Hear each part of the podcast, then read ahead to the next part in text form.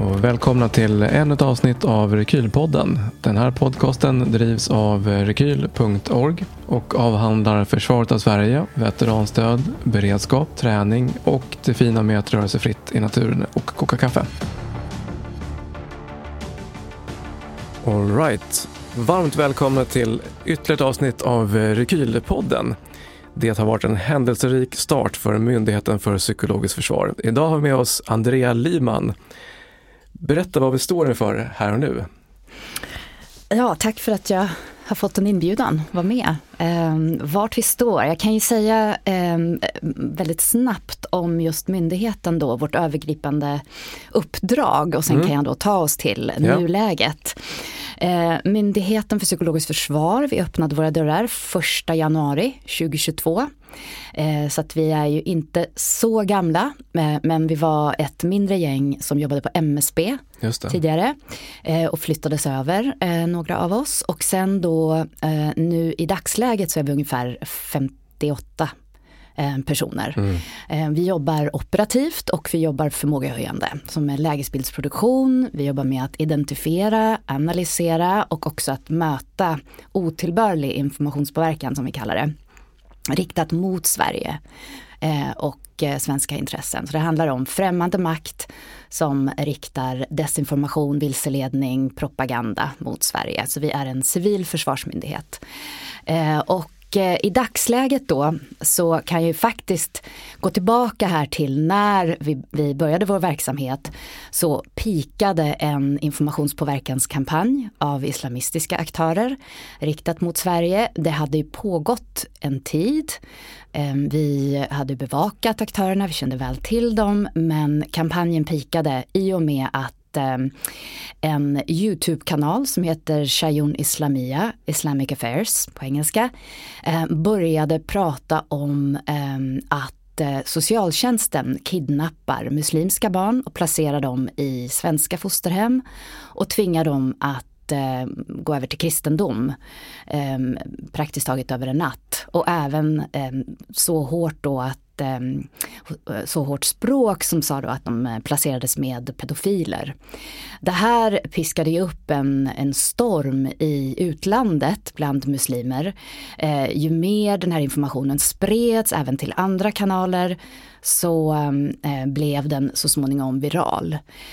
Och det här gjorde att vi väldigt snabbt kunde konstatera att eh, ehm, vissa komponenter som krävs för att vi ska kunna konstatera att det är en desinformationsattack.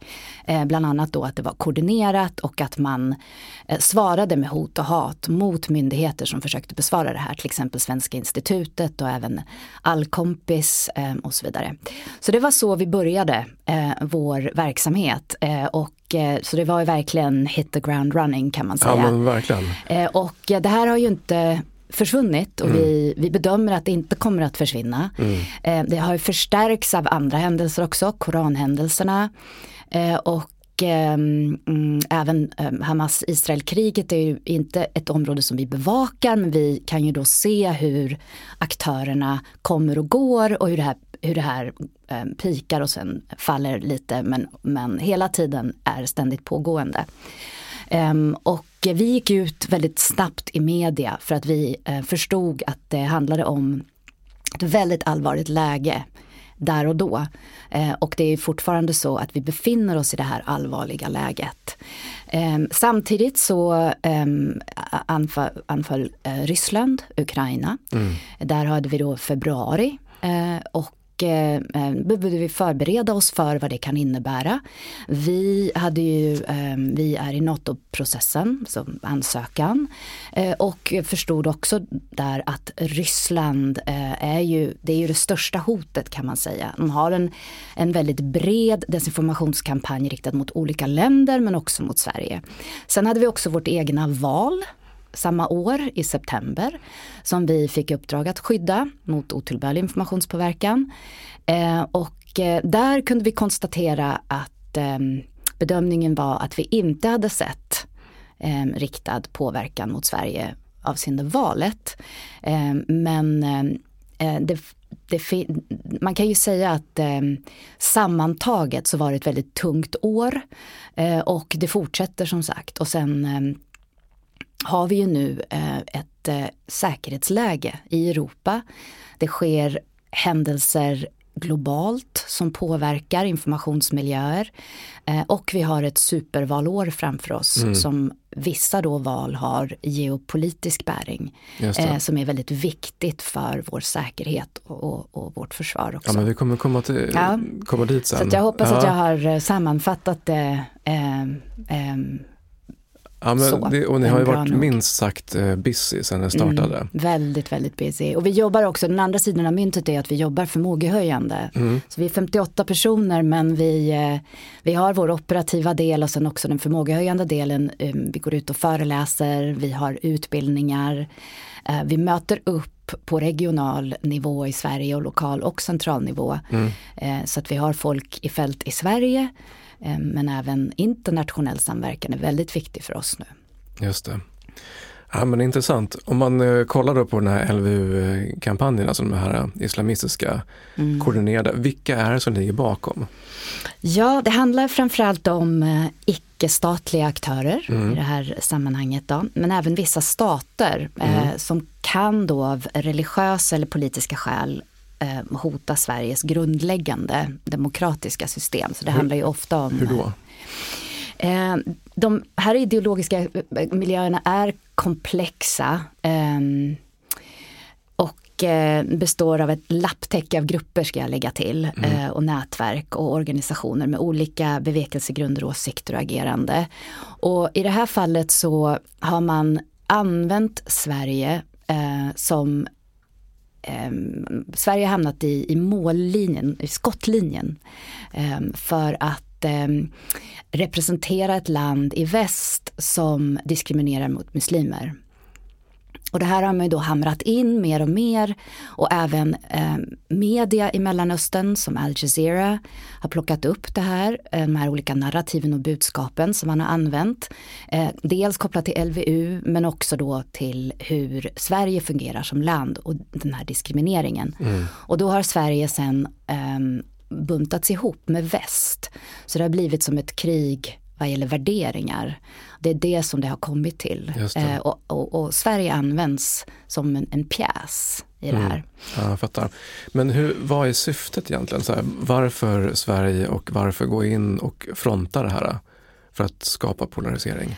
Ja, det vet vi ju inte varför Sverige har valts. Mm. Eh, men det, det, det, det, kan finnas olika anledningar. Men Sverige har ju eh, ett, eh, ett gott rykte i världen just vad gäller liberala värderingar. Eh, det som vi värnar om, yttrandefrihet eh, och eh, demokrati. Och det är det som Myndigheten för psykologiskt försvar också har i uppdrag att, att skydda. Mm. Så det, det, det, har att göra med det här som jag sa, olika värderingar och man kan attackera de här värderingarna och därmed också då försvaga ett land inifrån och splittra människor. Mm. Eh, för det, det, det, är ju det som man är ute efter.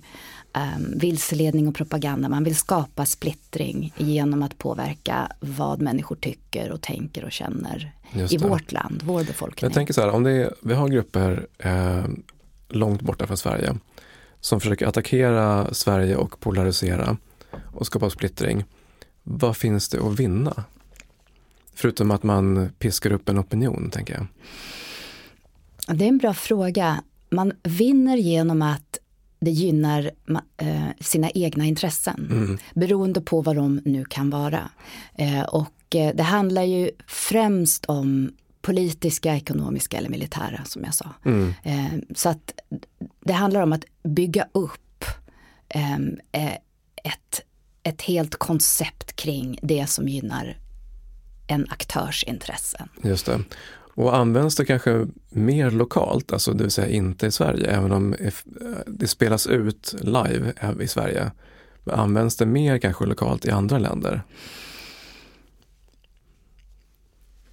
Ja, det är också en bra fråga. Det kan jag tänka mig att det gör. Eh, det används lokalt. Det är ju också eftersom det handlar om värderingar så eh, är det ju redan eh, inbyggt många gånger i ett värderingssystem mm. lokalt mm. i ett land och i en, i en stat. Så att om man nu tänker till exempel religiösa grupperingar så, så, så är det ju redan som en del många gånger mm. utav eh, värdegrunden. Just det. Mm. Och det har även funnits eh, element av att statsaktörer har gett sig in i det här. Det är kanske inte alla som har orkestrerat det från start, men det är lite öppet mål också. Kan du berätta mer om det?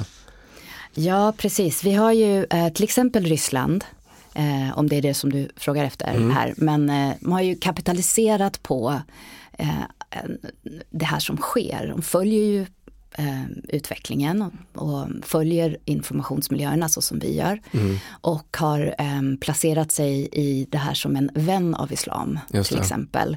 Och, och sen har de också använt Hamas-Israel-kriget eh, för att eh, peka finger mot Ukraina. Mm. Så man använder olika typer av metoder och tekniker för att vända och vrida och sen eh, fokusera på det som man vill få ut av det. Jag kan säga att eh, högerextrema informations eh, påverkansmiljöer då sprids av eh, en diversifierad men också löst sammansatt eh, gruppering och det är en transnationell miljö. Eh, så det betyder att, att eh, även globala konspirationsteorier mm. i det här sammanhanget och proteströrelser som fördjupar polariserande världsbilder. Mm. Eh, det spelar de här populistiska politiska aktörerna i händerna. Eh, och, och underblåser våldsbejakande extremism. Så det betyder att vad vi har sett är att eh, de här kanalerna på Youtube då, Shayun Islamia, många andra kanaler i andra sociala medier som hakade på till exempel den här LVU-kampanjen ehm, eh, där såg vi en koordinering, eh, eh, man pratade med varandra. Sen blev det organiskt och sen så brukar det ske en förskjutning där och sen reagerar då våldsbejakande.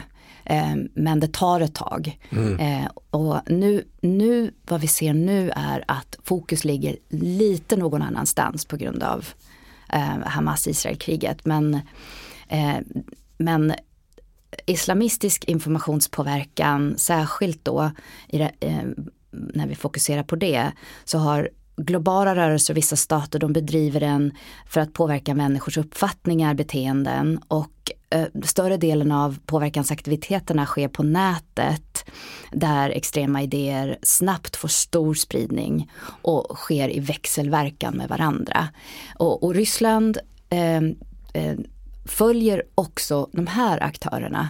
Eh, men i, eh, beroende på vad Ryssland vill få ut utav vad som sker, till exempel då i de här miljöerna riktat mot Sverige, så försöker man trycka på vissa sårbara punkter.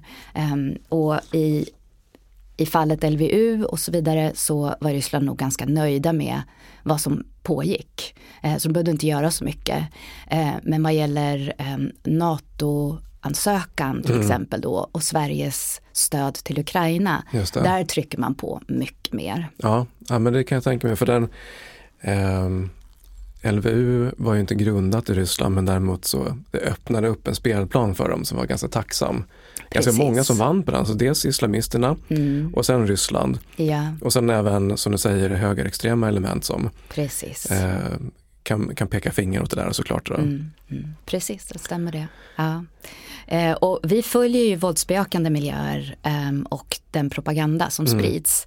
Och, och, det är ju viktigt att påpeka att myndigheten inte gör några bedömningar, till exempel i Sverige då, av terrorhot eller liknande. Men istället så har vi nära samverkan med lagförande myndigheter, mm. eh, såsom Säkerhetspolisen och Polismyndigheten. Så det, vi har jobbat eh, nära med dem då under den här tiden. Och eh, även eh, myndigheten, alltså MPF då, kortfattat, vi har i uppdrag att stödja andra aktörer. Så vi har ju också haft nära samtal och dialog med socialtjänsten från början då, just kopplat till LVU. Och, um, och även att vi ger stöd till media, eh, journalister och eh, även har nära dialog med sociala medieföretagen. Just det. Så att, och techföretag Mm. för att förstå sårbarheter och utmaningar Mm. eh, kopplat till eh, sociala medier. Ja, och. AI nu också. Ja, exakt. Mm. Och vi kommer komma dit också tänker jag. Men det kan ju eh, till det yttre låta ganska harmlöst med någonting som kanske drabbar inte vanligt folk. Men Mm. man ser bara att det finns en polarisering som sker. Ja. Och den sker i en miljö som eh, ganska många inte är i. Mm. Eh, men effekten blir ju till exempel att två svenskar sköts till döds i Bryssel Ja. hösten 2023. Precis. Eh, och det är ju liksom den yttersta konsekvensen av eh, den här typen av hotbilder. Så Mm. det, de är ju att ta på allvar. Absolut. Och, vad, vad och- finns det mer för risker? Ja, ehm, kampanjerna till exempel då som vi har pratat om här ehm, visar ju att utländsk ehm, informationspåverkan, även om den inte är ehm, ehm, olaglig Mm. nödvändigtvis, så kan den bidra till att undergräva människors tillit till samhället. Just det. Information och offentligt beslutsfattande och normförskjutningar Mm. som eh, påverkar våra grundläggande värden. Och MPF då tillsammans med andra myndigheter, vi värnar ju om, om det här och vi jobbar väldigt mycket med att eh, prata om det också eh, till en bred allmänhet. Eh, och, eh, så att det är ju en stor risk och även nu då med AI-utvecklingen Mm. så ser vi risken i att tillit till information kan komma minska ännu mer. Ehm, vi har ju sett det i samband med Israel-Hamas-kriget till exempel att AI som fenomen komplicerar. Sen, ehm, eh, så att det är ett område som vi har börjat följa väldigt intensivt och tittar och bevakar Just väldigt det. nära. Så det är ju till exempel en. Ja, nej, men om man tar en deepfake-video som Mm. eh, kan vara svår att urskilja från verkligheten.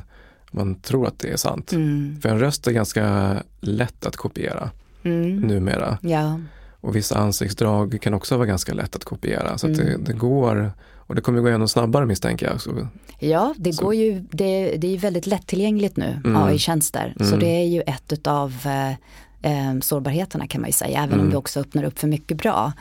Men ehm, vi har ju sett exempel på i eh, val redan nu, till exempel Argentina som har varit som en fallstudie i AI-användning Mm. för att påverka och försöka få väljare att eh, ja, välja den ena eller den andra eller den tredje eh, politikern. Och båda de eh, två politikerna i Argentina då, som eh, var i slutspurten använde sig av AI-filmer för att presentera deras budskap och narrativ. på vilket sätt då? Hur, Ja, det var ju väldigt kreativt. Man, man eh, kunde se, det det såg ut ungefär som, eh, som reklam. mm, Eh, en av politikerna springer barfota på en strand och, och så vidare. och så vidare. Men väldigt kopplat till deras kärnfrågor och det Just som... Eh, så att, mm, och, och det här var ju som sagt då producerat med hjälp av AI så att ingen, eh, inga riktiga personer bakom egentligen. Mm. Eh, sen har vi också till exempel valet i Slovakien eh, sett ex- exempel på röstinspelning som släpptes av en politiker i samtal med en eh, journalist. En känd, välkänd journalist i Slovakien och politikern också fann sig här i slutspurten. Eh, opposition. Eh, till ledande då, det var en interimupplägg därför att man eh, väntade ut då till det här valet. Men eh, oavsett så släpptes den här inspelningen inom den här 48 timmars perioden innan valdagen Mm. då man inte har, har möjlighet att gå ut och kommentera och det Just var en eh, eh, det var fake mm, och den pratade om hur den här politiken ska rigga valet. Och det blev eh, viralt väldigt fort. Och då var han tvungen att gå ut och, och, och möta det här på något sätt. Så han Mm. vände sig till polisen och sådär. Eh, men eh, det som var så intressant i det här var ju att eh, eh, det fanns en faktagranskande organisation i Slovakien som tittade på desinformation men också missinformation, alltså information som sprids av bara farten men som inte är tänkt att skada då utan det. det. är, det, det är vanliga människor som sprider Mm. väldigt mycket information som är vilseledande. Eh, och ehm, mm, den här faktagranskande org- organisationen sa, ja men även om politikern säger att det här är falskt så måste vi ju dubbelkolla det. Mm. Men de hade problem med att göra det. De kunde ju inte verifiera att den Nej, var just falsk. Så då var de tvungna att vända sig till ett amerikanskt företag. Det tog tid eh, och eh, det här kunde ju påverka utfallet för den här politikern. Mm. Eh, Nu är det ju svårt att säga om det faktiskt gjorde det, men eh, eh, det är ett exempel på hur AI kan användas. Eh, Och eh, tidigare har vi ju sett att både filmer och bilder och, och, och annat visuellt material som i eh, vad gäller desinformation har en större inverkan kognitivt på människor så, så, så är egentligen inget nytt. Nej. Men nu då med AI så är den mer sofistikerad och det, går, det kan gå mycket snabbare och även man kan producera mycket mer. Just och det, det. som är så intressant med, med AI också är att eh, vad gäller språk eh, och tonalitet att det blir bättre och bättre. Mm. Och det är ju någonting som antagonistiska aktörer har behövt då, att tänka på då, att det Just ska det. vara så. så Hur möter man det här? Jag tänker hur, hur Mm. tacklar ni det här? Vi eh, bevakar utvecklingen Mm. eh, och prata mycket om det, eh, så mycket som möjligt. Eh, det är ju en del av det arbete som vi gör vad gäller källkritik. Eh, det, här, det kräver att, eh, att samhället eh, i Sverige, att människor förstår eh, att eh, man ska se upp för den information som man tittar på. Eh, oavsett om den är sann eller falsk eller AI-producerad. Man ska ta ett steg tillbaka och tänka till. Sociala medierna hjälper till att lyfta information som, eh, som anspelar på känslor mer. Eh, det är så som eh, sociala medierna by design fungerar. Eh, så det betyder att man behöver tänka till, se upp. Det här ska man, det här ska man känna till nu. Och tänka efter och, och tänka på källorna. Är informationen, som, kan det gynna någon att det här upprör? Att man känner oro och ilska? Eh, och, eh, och sen också eh, vänta ut lite grann innan man delar vidare. Så det här pratar vi om. Det här är en del av Bli inte lurad-kampanjen som vi har lanserat. Just det, ja, men den ska vi gå in mer på också. Ja, Skicka länk också. Men man tänk, om man tänker kring AI konkret då, vad som beslutsfattare, även sociala medieföretagen pratar om som Mm. producerar AI-tjänster själva då, de är ju globala, eh, amerikanska företag, eh, de, man når miljarder användare Mm. eh, i sociala medierna. Så pratar man om ursprungsmärkning, vattenmärkning. Det. Eh, det är ju ett jättejobb. Mm, och man, mm, man pratar om samverkan eh, och även reglering och transparens. Eh, så att, eh, och det finns olika eh, opinions eh, som surveys, vad heter det på, nu, nu kommer jag av mig, men eh, Ja, typ kundundersökningar. kundundersökningar Eller, kan man säga. Men vi, Vad det nu kallas för? Ja, till exempel Opinionsundersökningar. Opinionsundersökningar, ja. Eh, ehm, men till exempel Google och Ipsos har ju precis eh, publicerat en. Eh, Google jobbar ju väldigt aktivt med AI-tjänster och de har en, eh, en tankesmedja som, eh, som heter DeepMind som särskilt fokuserar på just AI. Eh, så att, eh, och eh, och eh, här ser man ju att användare eh, i deras respons att de känner att det är jätteviktigt med att det är säkert, en säker utveckling och att det skyddar användarna. Så man, man värderar det väldigt högt. Kan man, eh, ska man säga, kontra AI med AI? Alltså om man nu har en vattenmärkning och eh, vet vilka konton eller var kontona geografiskt befinner sig. Mm. Och kan det liksom ringa varningsklockor därifrån? Kan man rigga sådana system? Ja, eh, man kan använda AI på många olika sätt. Eh, och eh, ett av dem är det som du precis eh, nämner här. Eh, man kan använda AI defensivt också. Det är ju väldigt viktigt att börja titta på det. Hur då? Eh, då? Ehm, ja, ehm, man kan till exempel ehm, skapa olika typer utav eh, omvärldsbevakningssystem. ehm, som, och det gör man ju redan idag. Men man kan förbättra det hela tiden. Nu kan man börja vässa på, ehm, ehm, på förmågan. Just det. Eh, Är det någonting som ni använder? Det kan jag inte svara på. Jag kan inte prata om de verktyg och, och hur Nej, vi jobbar i vår jag tänker så här, om bevakning. man eh, som privatperson eller som företag eller annan myndighet Mm. vill få en bättre förståelse och kanske bättre försvar Mm, eh, för det här. mm, ja. Hur, hur gör man då? Ja, det, det, är, eh, det, är, det är en bra fråga. Jag faktiskt, vi tittar på det Mm. och vi eh, har börjat prata med eh, andra ehm, myndigheter men också forskningsorganisationer och mm. många andra mm. institutioner för att se lite grann hur man, hur man själv på bästa sätt kan jobba med AI. Det. Vad det innebär, vilka sårbarheter, mm. utmaningar det är om man till exempel eh, beslutar att använda olika tjänster som är tillgängliga för en allmänhet. Det finns ju olika typer av AI-tjänster. Mm. Men eh, vi har ju ChatGPT som är den mest, eh, som snabbast växande. Som används av eh, väldigt många idag. Eh, och det är ju en produkt som OpenAI, ett amerikanskt företag och även Microsoft producerar tillsammans. och ehm, här kan man ju titta på då, vad innebär språkmodeller till exempel och hur kan man använda dem på sin arbetsplats? Jättebra, man kan ta fram eh, fem eller sex olika rapporter som skulle ta väldigt lång tid att läsa igenom mm. och här kan ChatGPT eh, ta fram fyra eller fem av de viktigaste punkterna i de här mm. rapporterna. Det är bara ett exempel. Samtidigt så har man ju laddat upp de här rapporterna. Det krävs ju att man gör det in mm. i tjänsten och då mm. blir ju de tillgängliga. Mm. Så underlaget ska man ju tänka till då. Vill man att det ska vara tillgängligt? Mm. Det är väl kanske eh, den enklaste förklaringen. Eh, men eh, det finns väl en hel del också komplicerade eh, och mer avancerade Absolut.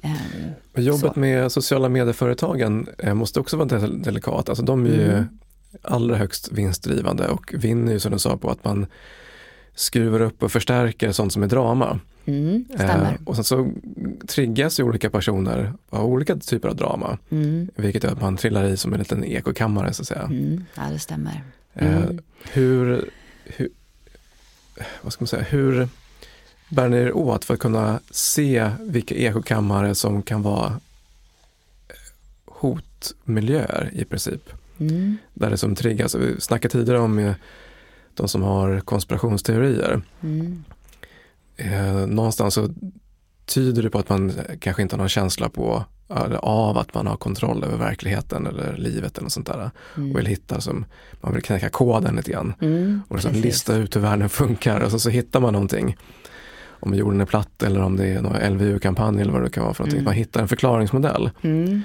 Hur hittar man alla de här olika trattarna eller de här olika bubblorna som folk lever i? Ja, det finns ju lite olika ingångsvinklar där. Eh, dels så eh, kan jag förklara kanske att vi bevakar utifrån eh, desinformation och hybrida hot mm. perspektivet. Eh, det betyder att eh, vi vet att desinformation är dold. Eh, men vi vet också att den är vilseledande, fokuserar på sårbarheter i samhället och det betyder att det finns ett spektrum av information, olika begrepp som man kan förhålla sig till. Eh, där finns också missinformation som inte är tänkt att skada som jag sa. Eh, och där, där, kan man ju redan eh, när man bevakar miljöerna som vi gör så ingående och nu pratar vi om internationellt, mm. alltså riktat mot Sverige. Vi bevakar inte vår inhemska miljö. Nej. Eh, så, och jag, eh, och, jag, kan förklara lite hur vi tittar på vår inhemska mm. miljö sen.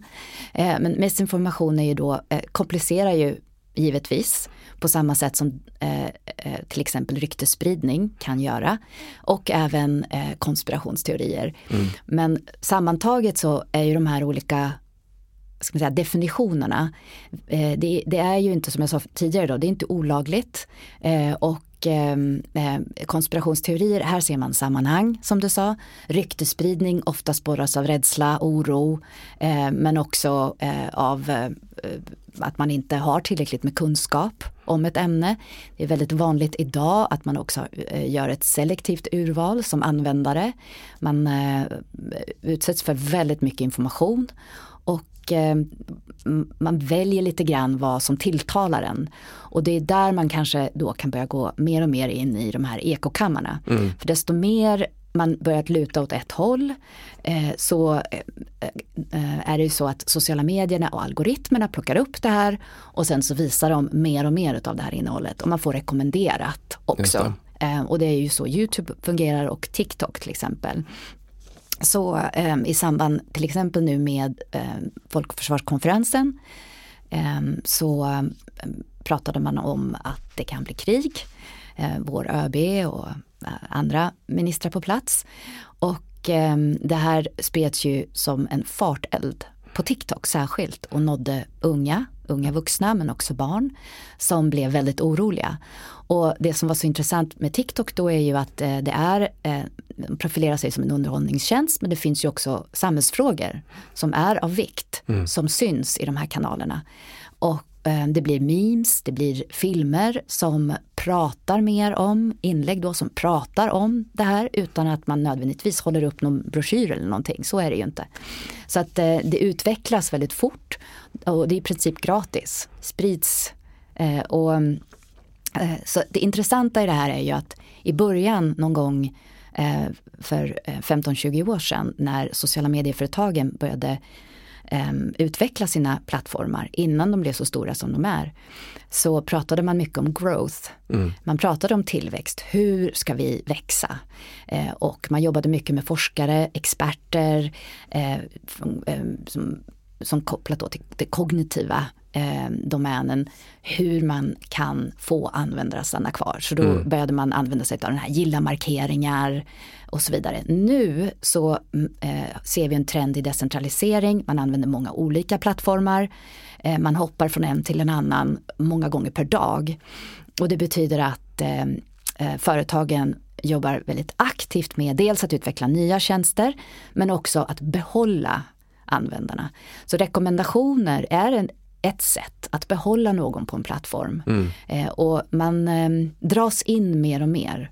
Eh, inte bara vad gäller ekokammare men just eh, i det, det, blir ett annat språk, det blir ett annat, sätt, ett annat sätt att inhämta information som skiljer sig från att till exempel läsa en artikel. Eh, och där behöver man ju sätta sig in mer. Mm. Och det är det som vi också då med vår Bli inte lurad-kampanj pratar om. Om man ser nyheter så är det av vikt på sociala medier främst att man klickar på en artikel och läser in sig mer innan man går vidare. Det mm. kräver mer av en användare. Eh, och det här är ju det som vi kommer bort ifrån mer och mer idag.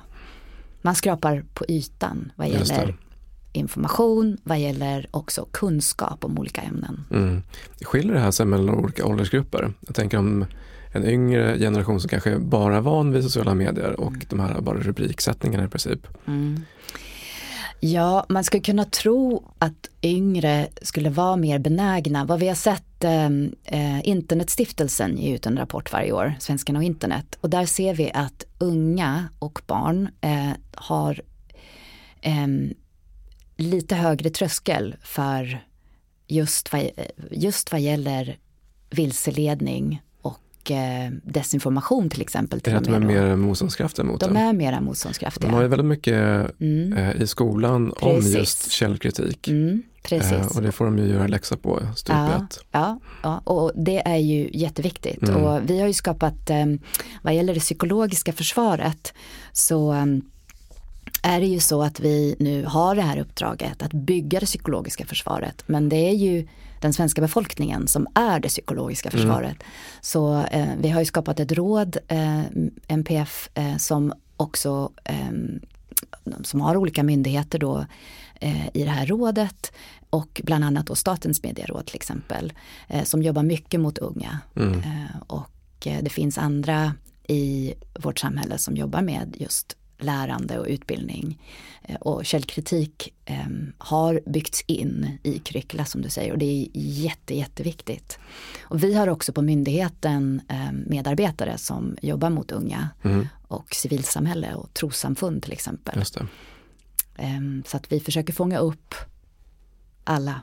Ja, mm. men jag kan tänka mig generellt ändå att Sverige står sig ganska hyggligt för att vi har eh, en om man tittar globalt, relativt hög utbildningsnivå. Mm, precis. Det finns ju kanske de som driver de här LVU-kampanjerna kanske har en relativt lägre utbildningsnivå.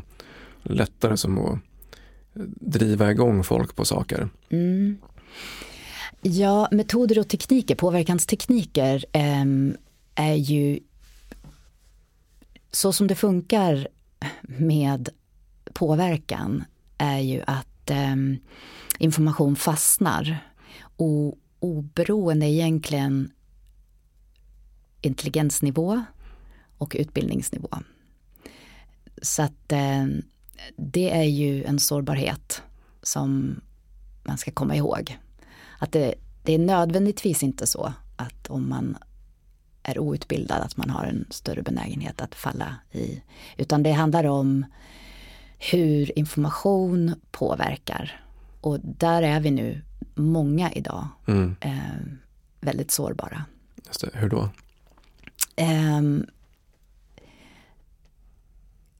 det är kopplat till vad jag har berättat om här, att eh, hur sociala medierna funkar och hur nyhetsmedia också har kopplat på att inhämta sina nyheter många gånger Mm. från sociala medier. Eh, gör ett fantastiskt jobb, till exempel måste jag understryka, eh, eh, och fri, fri och oberoende media är jätteviktigt. Det är ett fundament för att kunna bygga det psykologiska försvaret. Och det har vi i Sverige. Men samtidigt då så krävs det också, ett annat fundament är em, en väl informerad befolkning. Så att det går hand i hand. Mm. Och även det här som vi har pratat om också, tilltron. Till varandra och till eh, myndigheter och institutioner. Mm. Och i Sverige så har vi eh, hög tillit. Vi har den lyxen kan man säga.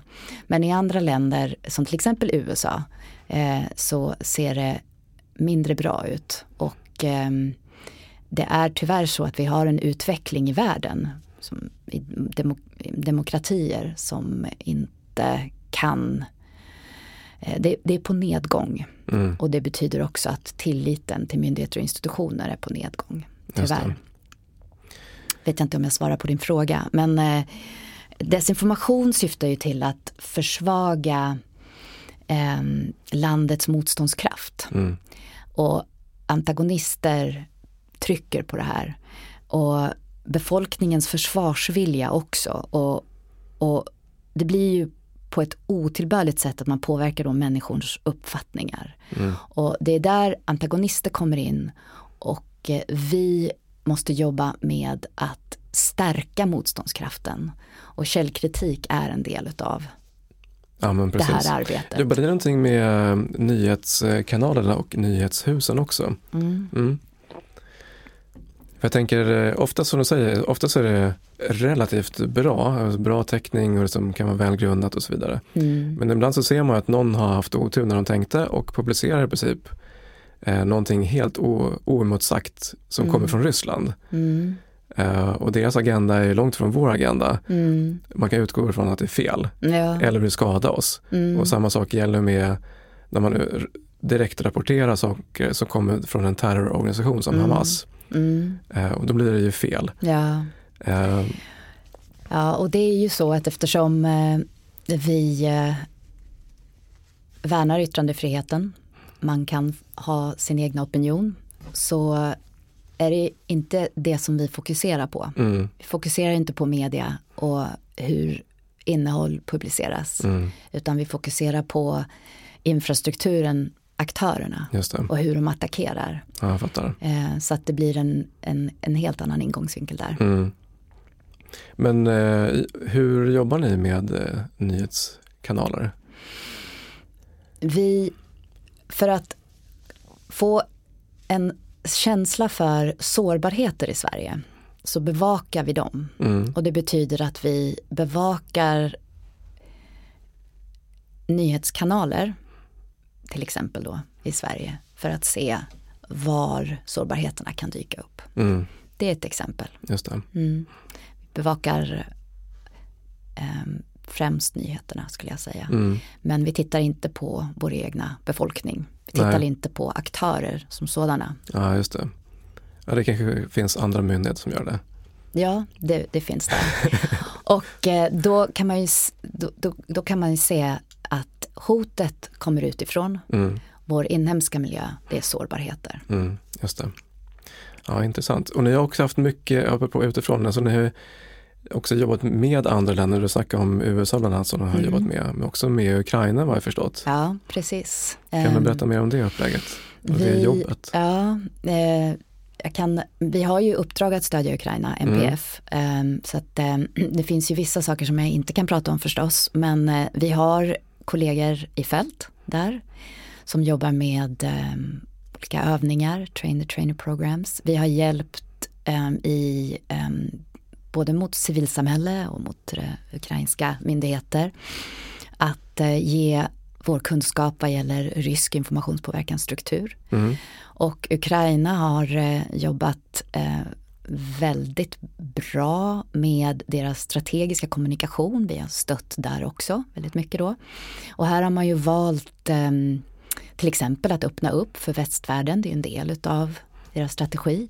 Man har öppnat upp för journalister eh, så att man har haft möjlighet att eh, prata mycket om vad som händer, vilka beslut man tar. Man har varit transparent. Man använder sig av sociala mediekanaler mm. eh, där man har producerat filmer eh, av olika slag och försökt att mm, nå en allmänhet internationellt för att eh, fort, fortsätta då kunna få det här stöd, stödet som mm. EU, USA och andra länder har och även Sverige då. Det känns som att, att de har varit väldigt framgångsrika i det. Precis. Både defensivt och offensivt. Det stämmer. Och uh, här ser man ju den här kraften i att uh, bygga motståndskraft också mm.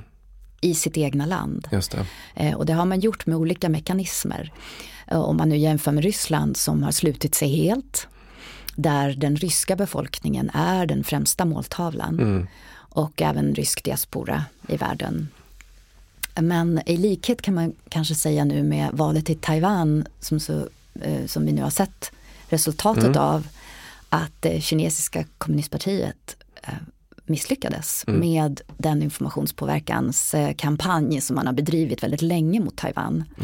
Och till en viss del så um, man ser i Taiwan då att här har befolkningen hittat en stark anknytning till vad det innebär med en välfungerande demokrati. Mm. Det har man inte avvikit från och det är det som man har konstant hela tiden använt sig av. Då, Just det. För att Vad var Kinas narrativ för att bryta det här? Eh, I, just i, eh, nu är inte Kina och Taiwan mitt eh, specialistområde, men vad jag vet i valet här så har man använt sig av olika metoder. Bland annat så har man ju försökt att eh, påverka befolkningen i att välja mm. den eh, politiker som då har nära anknytning till Kina, självfallet. Men eh, och just eftersom jag bevakar AI och sociala medier så har vi sett eh, en ökning av eh, användandet av AI faktiskt då mm. utifrån Kina. Och man använder sig av eh, till exempel, men ganska så här, inte särskilt realistiska deepfakes men man använder sig av mm, eh, olika material för att försöka eh, för, för att försöka då liksom påverka beteendet och hur man ska välja. Mm. deepfakes är ju en av, en av metoderna. Och att AI också, man har sett att man använder sig av AI för att förbättra språkförmågan. Mm. här har man tryckt på att använda sig av taiwanesisk kinesiska mm. eh, och, och kunnat nå flera då med det, det. På, på, på, ett helt annat sätt än vad man har kunnat göra tidigare. Mm. Och målgruppsanalysen också från Kina har förbättrats. Mm. Eh, och eh, man har fokuserat på att polarisera i likhet då med hur Ryssland ofta jobbar. Eh, och ehm, eh, och också använt sig av klickfarmer. Mm.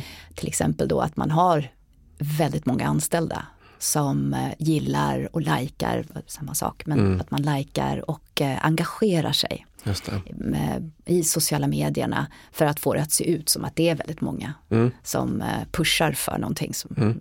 driver ett budskap. Eh, och sen också de här lite relativt klumpiga eh, deepfakesen då. Eh, så det, det är till exempel vad gäller metoder och tekniker då online. Det där kan man um, verkligen se och det kan, kan man dra paralleller till ganska mycket även här i Sverige. Att när det dyker upp något typ kontroversiellt ämne som att eh, man på rikskonferensen i Sälen säger att det kan bli krig. Mm.